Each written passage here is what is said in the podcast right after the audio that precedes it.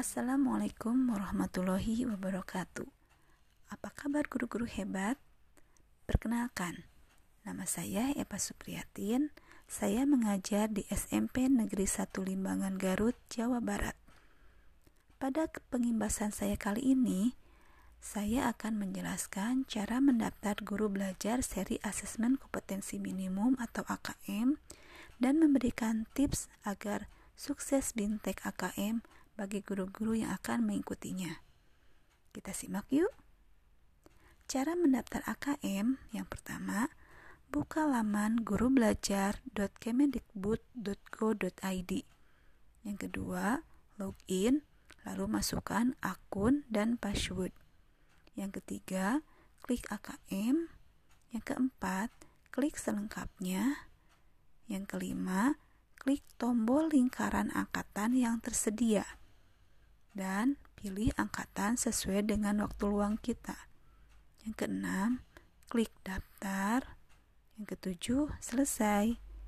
Ikuti BIMTEK AKM-nya sesuai dengan tanggal mulai dan batas akhir angkatannya ya. Sekarang kita simak yuk tips sukses BIMTEK AKM. Yang pertama, baca dengan teliti dan pahami. Yang kedua, Jangan panik bila ada masalah. Ketiga, kalau ada kendala, saya insya Allah siap membantu.